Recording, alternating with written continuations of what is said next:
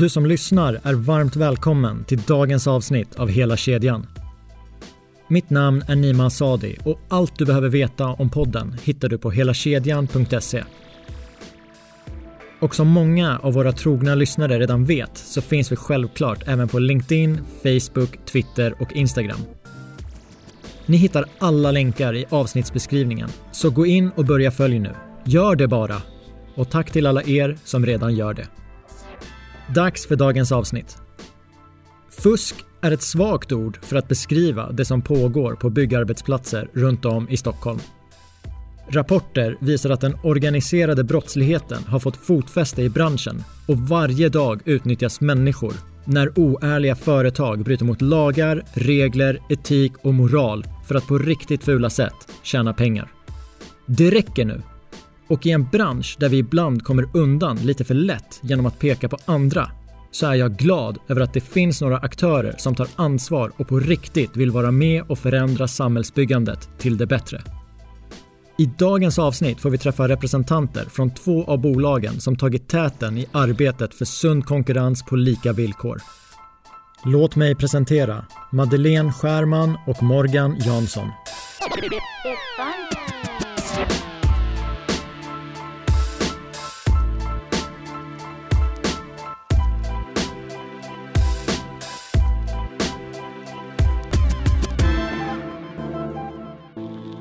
Varmt välkomna till hela kedjan Madeleine och Morgan.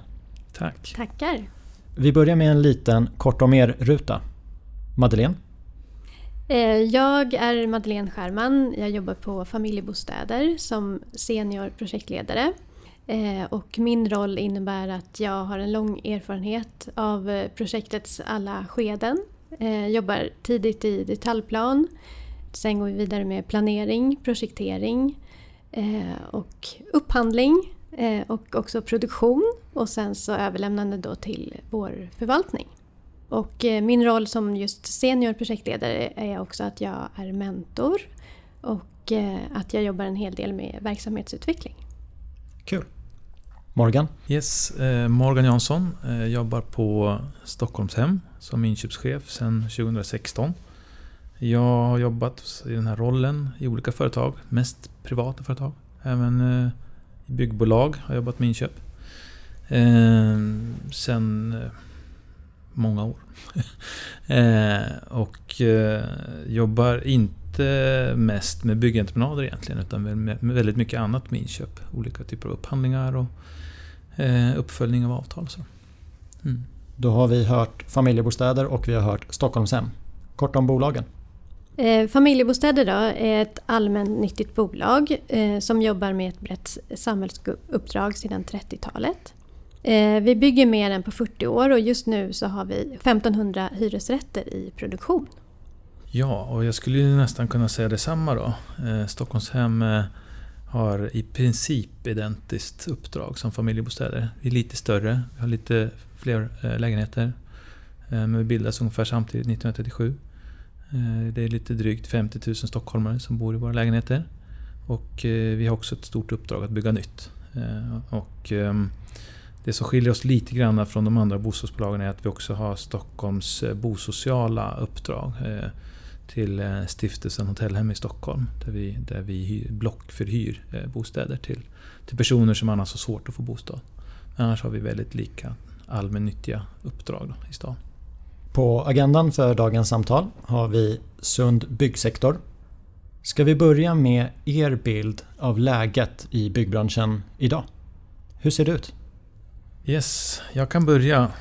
Svårt att, ge sig på med någon jättestor eh, summering men, men min bild från eh, där jag verkar är i alla fall att det, eh, det finns en omfattande brottslighet som har flyttat in i branschen. Och, eh, den är inte så lätt att se, för den är väl organiserad. Och eh, till och med med internationella tillslag, eh, eller inslag. Eh, och det, det är det som är, om man ska liksom ta oss in på ämnet här sen, eh, eh det som, som är lite skrämmande med branschen. Eh, och det har väl varit en utveckling sen, eh, ja, sen många decennier åt fel håll tyvärr. Det är min bild. Det är jättemycket bra att säga om, om byggbranschen också. Men, men det är inte temat för dagens eh, samtal. Så att, det är väl min bild då, att tyvärr så finns det väldigt mycket problem eh, kopplat till osund konkurrens. Eh, som, som får följdeffekter där seriösa företag försvinner och människor far illa. Madeleine, delar du den bilden? Ja, det skulle jag vilja säga. Jag vet att det är många entreprenörer som verkligen vill göra rätt eh, och tycker att det är viktigt att göra rätt. Eh, men jag har också sett när jag varit ute just på byggen att det har, har varit en väldig försämring av just eh, den brottslighet som Morgan då pratar om. Jag har sett det live faktiskt. Morgan, du nämnde en negativ utveckling som pågått sedan några decennier tillbaka. Det är mm. ganska lång tid. Ja, jag har inte varit med hela tiden själv. Så en del av de här sakerna är självupplevt och, och sett, som jag sett med egna ögon. Och den bakre delen, den, den början är, är eh, kollegor som har berättat hur det såg ut när det begav sig. så att säga. Och den, trenden har väl varit, som man, man säger, att eh, för länge sedan, då, säg 70-talet, så så hade man mer egna anställda i byggbolagen, hade lite bättre kontroll på vilka som var på en byggarbetsplats.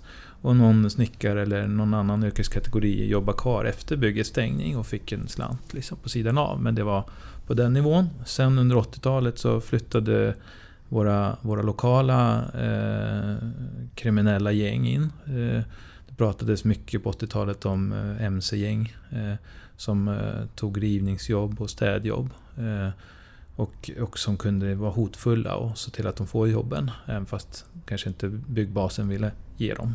Och så vidare. Och sen då utvecklingen till, till där vi är idag där vi har ett väldigt raffinerat brottsupplägg. Som, som inte syns för en vanlig dödlig.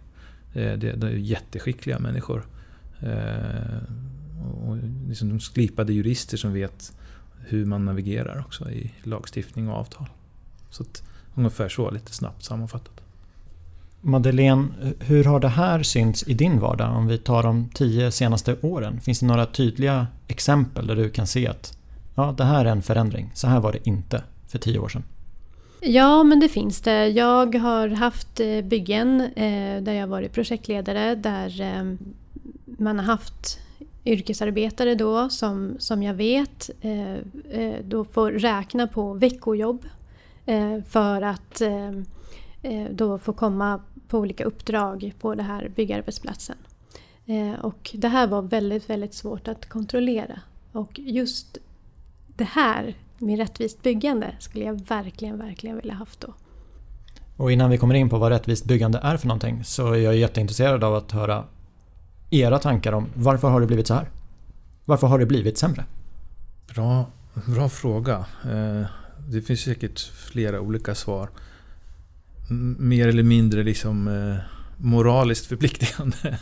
Men eh, jag tror att en av orsakerna är att eh, det är många människor på en arbetsplats som inte känner varandra. Och det i sig gör att man inte har samma kollektiva känsla för hur saker och ting ska vara på arbetsplatsen. Och det hänger såklart ihop bland annat med att det är flera företag än vad det var förr. Eh, och, och, eh, de företagen kör sina egna race på bygget och så är det någon som ska försöka få ihop det hela. Då. Eh, och oftast är det någon typ av eh, general, någon, någon som bestämmer bygget som ska ha det ansvaret. Och veta vilka alla Men det, det räcker med att gå till ett projekt och, och, och, fråga Känner du alla här? Eller liksom, känner du igen alla ansikten som är här? Så det gör man ju inte. Det är ju en sak, att då, då tappar man lite grann känslan och kontrollen. Och en, en som var tidigare kanske nära kollega och brydde sig om hur man har det. Eller hur det fungerar, eller om något fuskas med. Inte gör det idag. Man, man ser, det är inte vi, det är något annan firma. De får göra som de vill, vi gör som vi vill och så vidare. Så det är väl den känslan av att um, tillsammans vilja göra ett bra bygge på alla sätt och vis. Mm. Eh, har sipprat ut lite grann i, i sanden. Eh, och sen har det, tror jag, men det jag, jag är inte tillräckligt insatt i, i lagstiftning. Eh, jag är insatt i våra smala lagar som reglerar det vi gör. Men det har ju varit en del avreglering också eh, som gör att, att det kommer in eh, företag som inte är så vana att jobba i Sverige heller. Eh, och då måste vi ju eh, förklara för dem. Hur, hur, eh, någon måste ju förklara för hur det är att jobba inom våra ramar. Eh, det är ju en sak som är ny sista inte jag, 10 max åren. Ehm, det är en, en annan faktor. Det är, det är bra med konkurrens tycker jag, så det är inte fel men vi måste ju hålla ihop det. Mm. Madeleine nämnde rättvist byggande och där är ju du Morgan en av initiativtagarna. Mm. Vad är det för någonting? Eh, rättvist byggande. Vi, vi, när vi började med det här slutet av 2017 så var vi inte övertygade om att vi behövde ha något namn överhuvudtaget. Men det blev det i alla fall sen. Rättvist byggande, som vi kallar det. Eh, och det är ett sätt för oss som byggherre eh, att sätta eh, eh prioritet på det vi, det vi tycker är viktigt. Eh, och det som vi inte tycker att branschen klarar av att ta ansvar för själv. Eh, I det är flera parametrar förstås. Men vi har valt att lyfta ur eh, viktiga frågor ur leverantörens ansvar tillfälligt. För vi upplever att man inte klarar av att ta det ansvaret. Och det är jätteviktiga frågor för oss.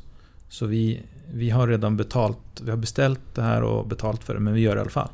Eh, åt våra eh, entreprenörer, för det är viktigt för oss.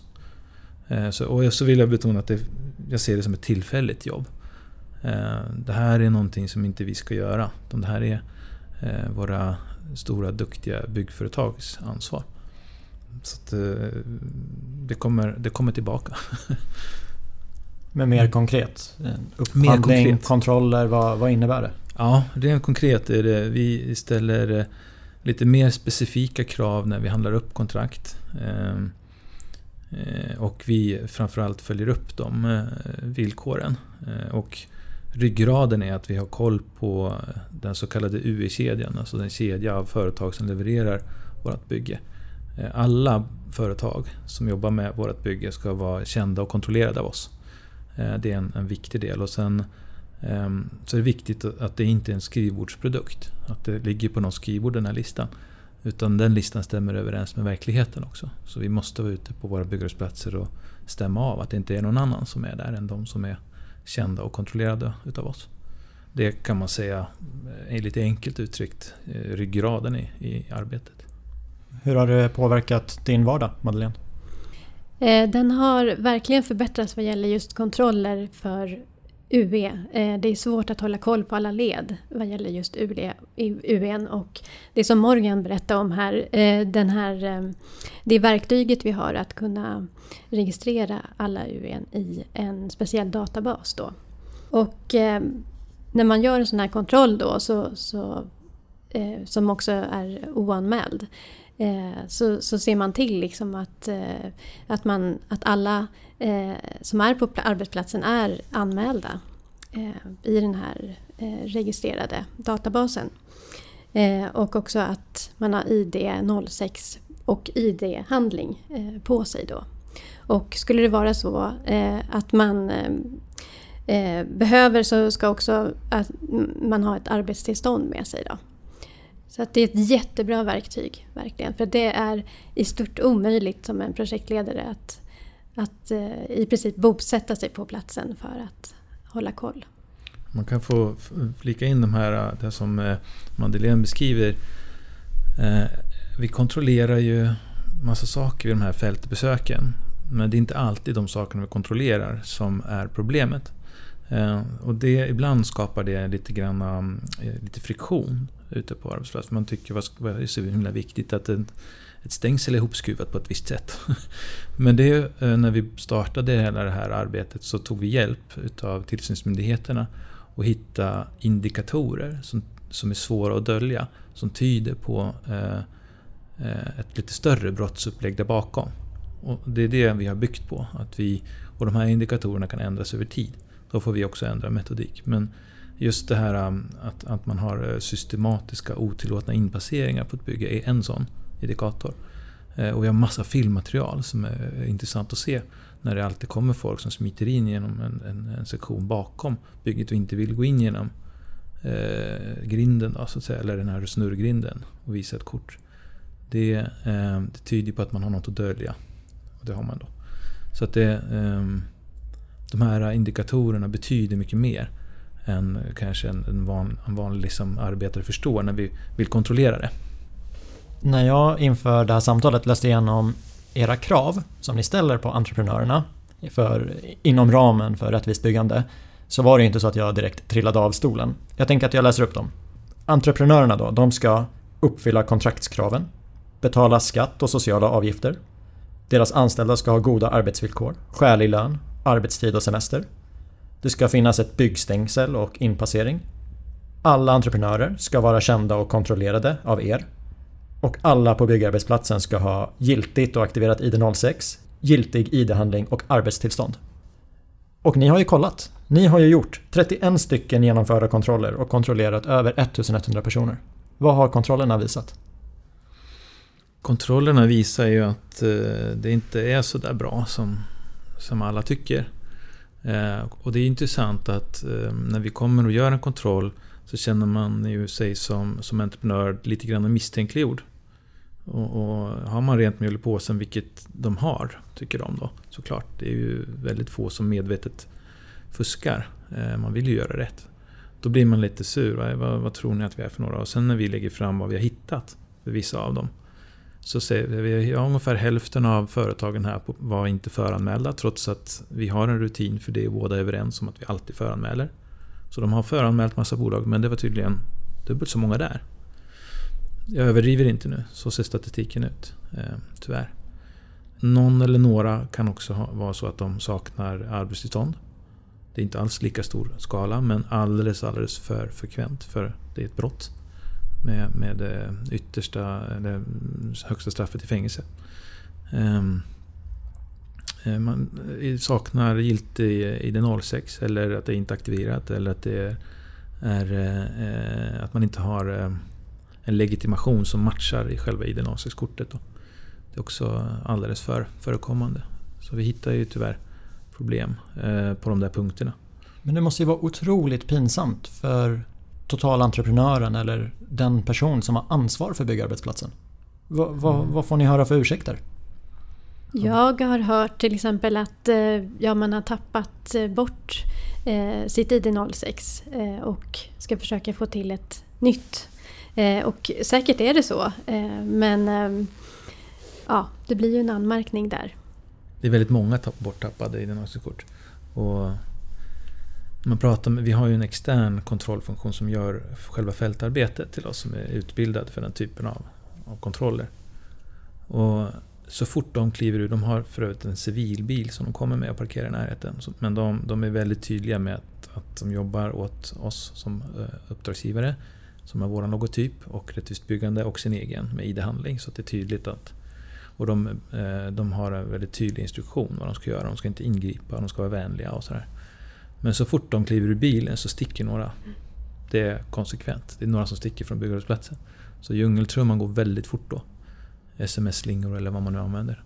Så det har, det har vi som utmaning att vi, vi måste vara ganska snabba in på plats för att annars är det, är det inte kvar. Som, som tur är har vi lite metodik för att fånga det där, det där också. Vi, vi, vi fångar upp eh, att det smiter folk och eh, också gärna liksom vilka, vilka logotyper de har på, på jackorna och sådär. Men vi, vi stoppar ju ingen. Vi noterar och återkopplar. Jag har ju hört om det här några gånger under min tid i byggbranschen och då har det ju alltid varit någon annan. Det kan inte hända hos mig. Men vi har ju två rättsfall också och det är ju inte det, är inte det lilla företaget som är inblandat i ett av dem. Nej, det är ju intressant. Det är två jätteintressanta för oss eh, som håller på att nördat in sig på det här området. Jätteintressanta rättsfall. Eh, det ena eh, är ju välkänt och har stått i media. Det är Eh, så att säga rätt här, gränspolisen som prövar eh, huvudentreprenörens ansvar. Utlänningslagen är ju skriven så att även huvudentreprenören har ett ansvar även om det är en, eh, en underentreprenör som begår brott mot utlänningslagen. Och i klarspråk om man hittar en illegal arbetare i ett städföretag till exempel så kan det vara huvudentreprenörens ansvar om man har anlitat dem. Och det, i det fallet är det ju Skanska som, som den här rättegången avser. Eh, och eh, vi ska inte egentligen peka ut något bolag för alla är lika bra eller lika dåliga på de här punkterna skulle jag säga. Det som är intressant med rättsfallet är ju om det blir prejudicerande. Så, betyder ju det att mm, alla huvudentreprenörer har ju ansvar för alla sina eh, gubbar och gummor ute oavsett vilket led de, de finns i. Och då kan det bli ganska mycket sanktionsavgifter och det tror jag om det blir ett prejudicerande mål som, som slår fast att huvudentreprenören är ansvarig för sånt, då tror jag att många kommer se över antingen hur många led man har av underentreprenörer eller kontrollen av de här leden. För att det blir för, det blir för stor risk. Och sen får man komma ihåg att det är eh, det är mer än bara en sanktionsavgift eh, för att, för att man har brutit mot en utlänningslag. De här personerna är ju eh, ofta exploaterade av någon. Det behöver inte vara den som åtalar i det här fallet, av någon är de oftare. Så de, de har inte anmält det här frivilligt utan de är en beroendeställning av någon.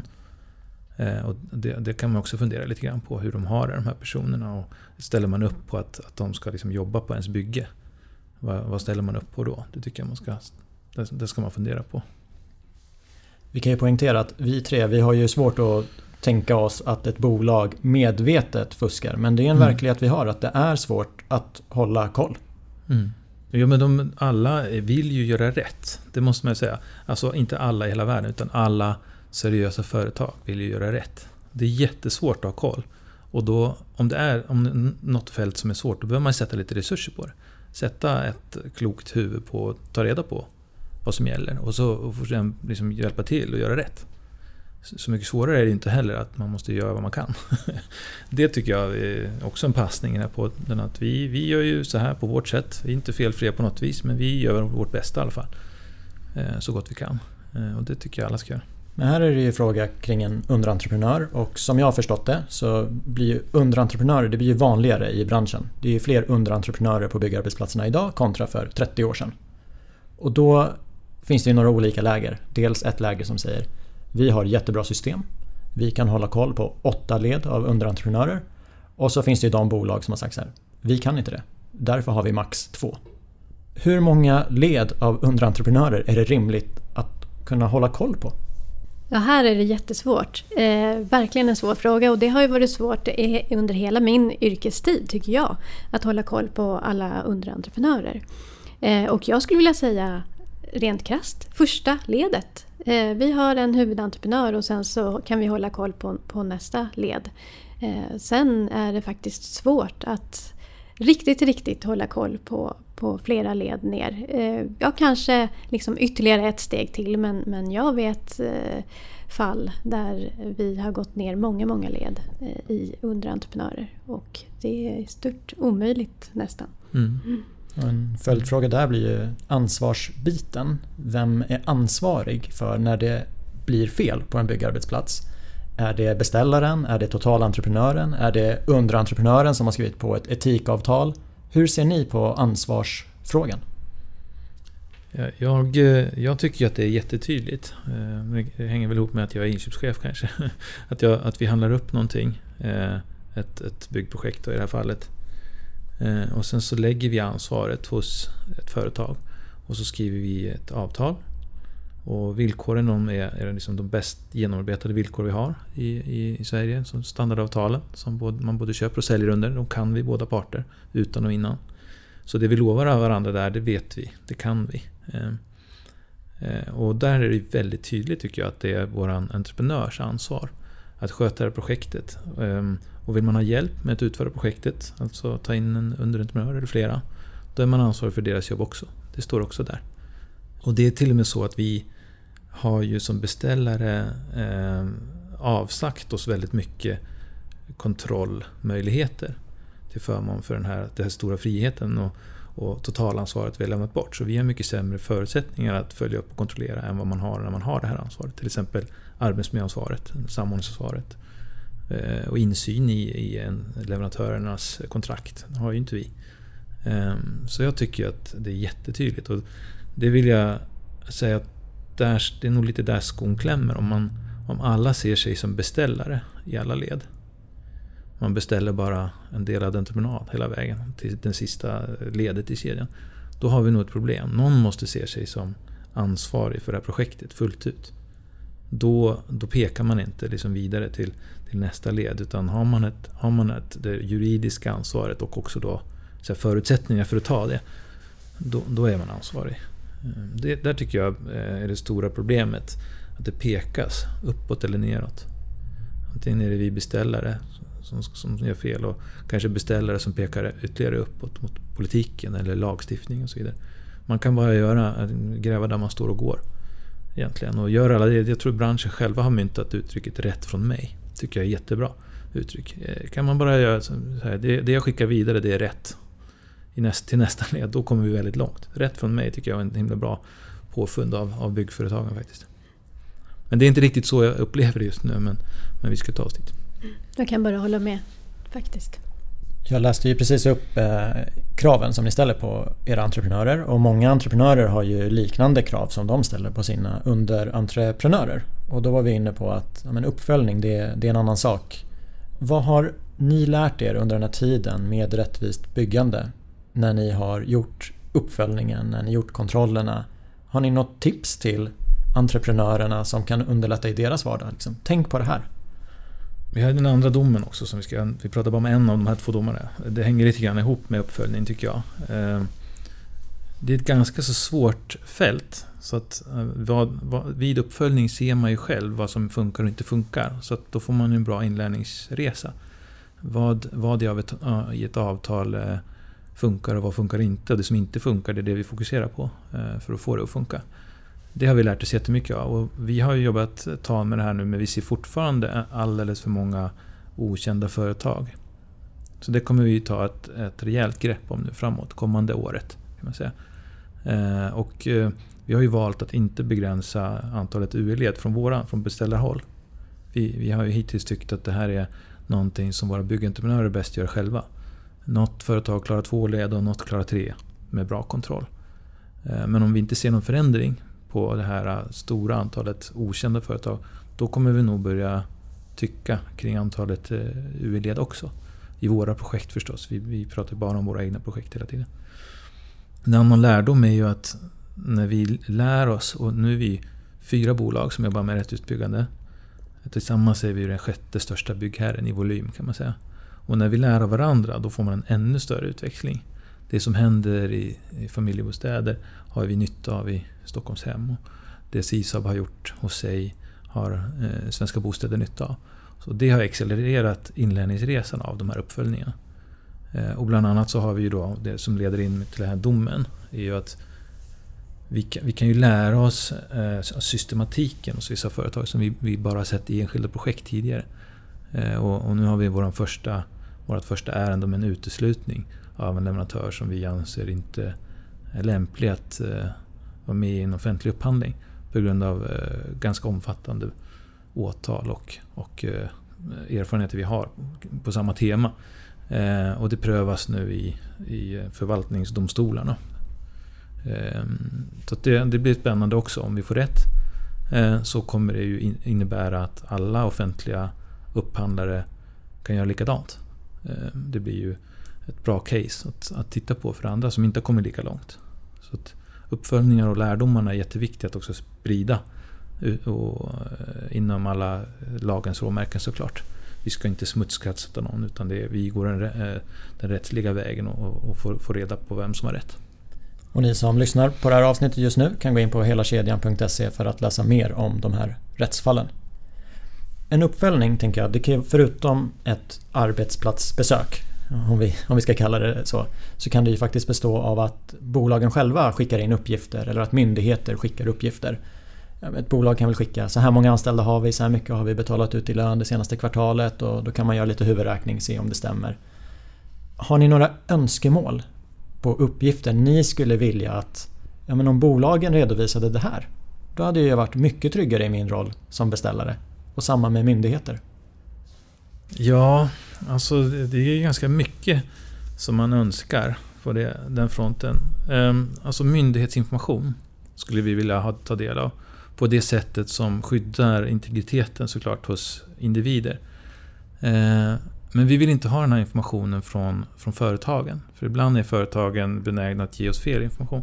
Så att få ut information från myndigheterna, det kan till exempel vara som...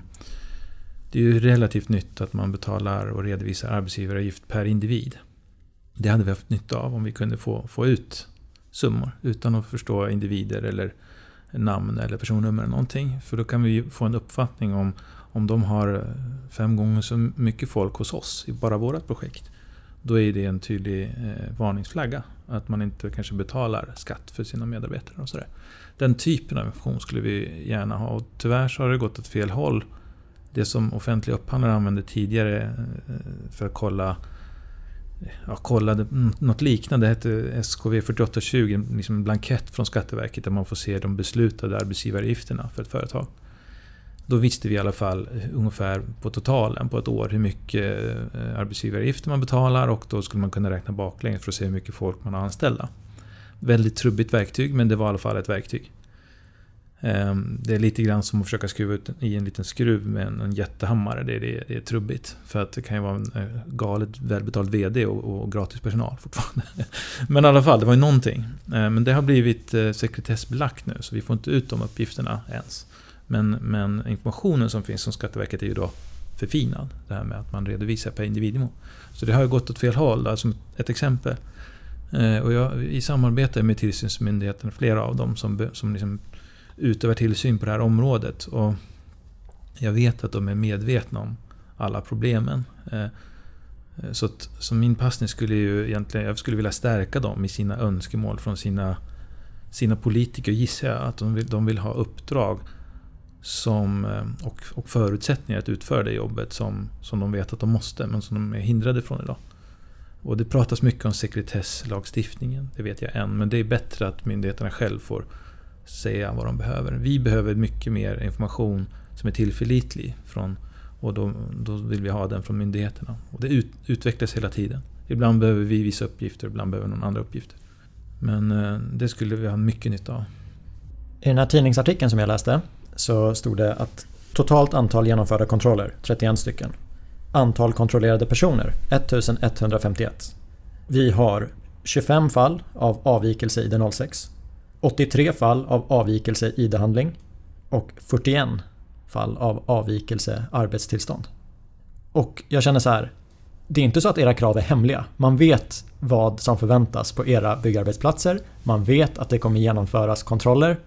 Liksom, om, om, ja. om ni upptäcker det här hos er, där det är känt att det kommer ske en kontroll. Vad händer på grannbygget där det inte är någon kontroll? I alla fall inte i samma omfattning. Ja, det kan man verkligen undra. Det är en väldigt bra fråga. Eh, och som sagt, eh, för familjebostäder är rättvist byggande skapligt nytt och eh, vi har tagit till oss det med eh, eh, ja, hull och hår. Så. Eh, och tycker att det är jättebra att ha ett verktyg. och jag menar, jag, jag, skulle känna samma osäkerhet med grannbygget. Verkligen. Ja, våra kontroller har ju varit, om man tänker, så försöker jag se det, att det är ju stickprov vi gör också. Det var den dagen de där fanns på bygget. Dagen före, dagen efter vet vi inte hur det såg ut. Så ehm, man får tänka så att det här är inte alla vi har hittat. Utan det var när vi besökte oanmält den gången. Eller de gångerna. Eh, och sen med de här eh, när man pratar med produktionspersonalen, produktionsledare, produktionsledare, vi, eh, så de brukar tycka att det här antalet eh, oanmälda företag, det, det, det går de igång på mest. De tycker men så här, är, så här är inte min bild, jag har ju koll på alla företag. Ja, så var det inte så. Och då blir de upprörda och vill såklart gör, få ordning på det. Och vi, vi ser kanske mer det här med, har man en illegal arbetare där, eh, ser vi som, en, alltså inte det enskilda fallet, det är också hemskt att, att någon jobbar eh, liksom under konstiga förhållanden. Men systematiken där bakom kan vara någonting väldigt mycket större och jobbigare. När vi förpratade lite vid kaffeautomaten så kom vi in på att branschen, vi är lösningsorienterade och vi är doers. Men i den här frågan, då ska vi prata väldigt mycket. Mm. Det gör vi ju inte om andra saker, då, då löser vi ju bara problemet. Mm. Vad, hur går era tankar kring det?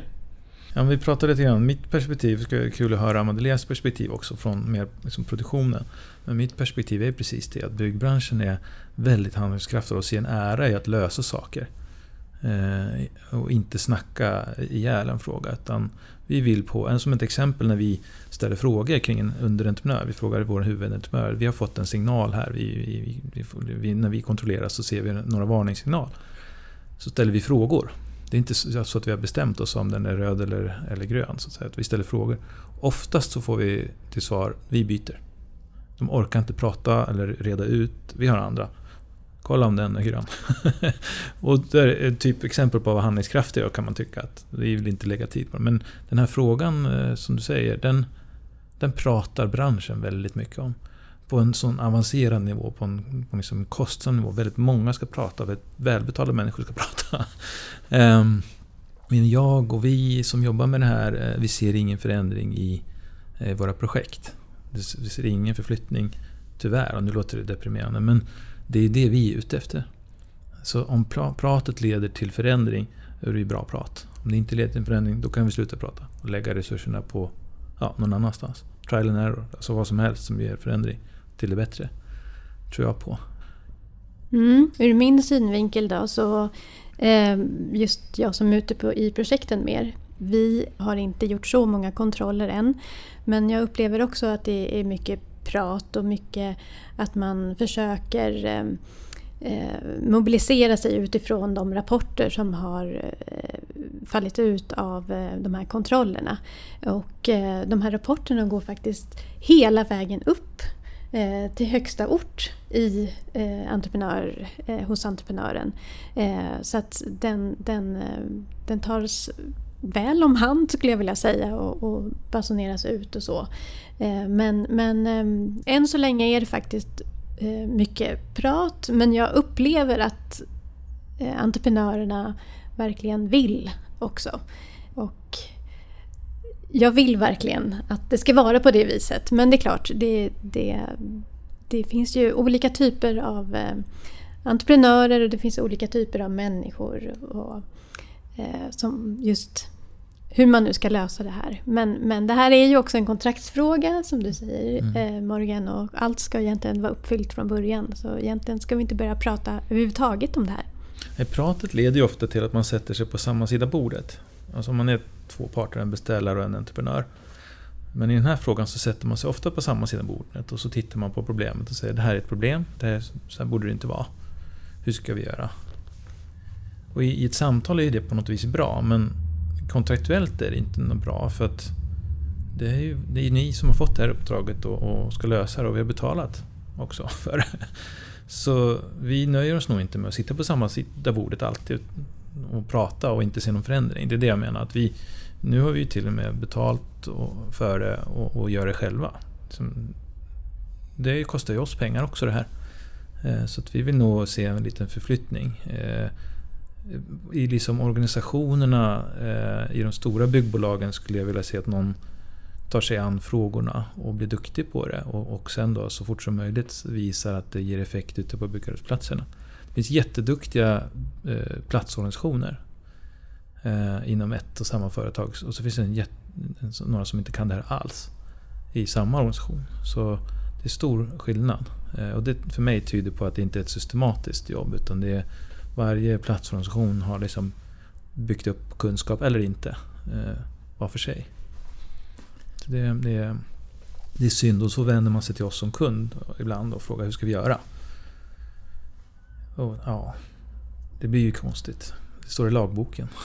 liksom, vad ska man säga? Nej, det, det blir konstigt om, om man vänder sig dels till kunden och säger att vi har jättesvårt att följa lagen. Hur, hur, är, hur är det vi ska göra? Jag försöker hålla det så enkelt och kategoriskt som möjligt så att man ska förstå. För det, det är ändå det det kokar ner till. Att ja, men, det kan inte vi lösa liksom, åt, alla. Utan det här jobbet vi gör blir något, liksom förhoppningsvis en injektion eller uppvaknande för vissa. Och sen får man behöva försöka liksom spinna vidare på det själv och lära sig. Det där är intressant. Jag är ju en förespråkare av när man säger vi ska lösa det här. Men just i den här frågan, nej, då är det kanske du. Jag kan hjälpa dig. Men det här är ditt ansvar. Annars kommer ju ingen ta täten. Eller, nu har ju ni ändå gjort ett försök att ta täten. Och Morgan, jag var ju och lyssnade på dig i riksdagen i februari. Och på plats så fanns ju eh, representanter från de styrande partierna. Det fanns opposition, det fanns eh, entreprenörer, det fanns beställare. Ingen sa ju att du hade fel i det du sa. Alla var ju på. Mm. Har det hänt någonting? Vi, nu är vi här, ett halvår senare. Ja, om jag inte kan komma på det så har det väl inte hänt någonting. Jag satt och funderade, men eh, visst, Eh, frågan är i alla fall etablerad på, på många ställen i branschen. Det får jag säga, att den här frågan om att vi har ett problem. Och inte bara i branschen utan även utanför byggbranschen. Att det fuskas med med regelverk och, och eh, skatt och illegal arbetskraft och sådär. Så det är väl i alla fall eh, någonting. Om det är en start till någonting, till någonting får man väl hoppas på då. Att det här pratet och diskussionen, det har faktiskt blivit en del lagförändringar under tiden. Men det är på, på nivån eh, muttrar och skruvar och sådär. Men det är bättre tycker jag. Men inte, det har inte hänt något jättestort, tycker jag inte. Um, och det, det tror jag, ska man säga en rejäl förflyttning, så är det inifrån branschen. Återigen, det är där man har handlingskraft och man har verktygen själv. Vi har ju inte alla verktyg som de har i den här frågan. Och jag tror jag har sagt det någon gång förut. Det låter superkonstigt men att göra rätt kommer bli en konkurrensfördel för oss i offentlig sektor. Alltså man vinner kontrakt på att göra rätt. Och det är väl bra.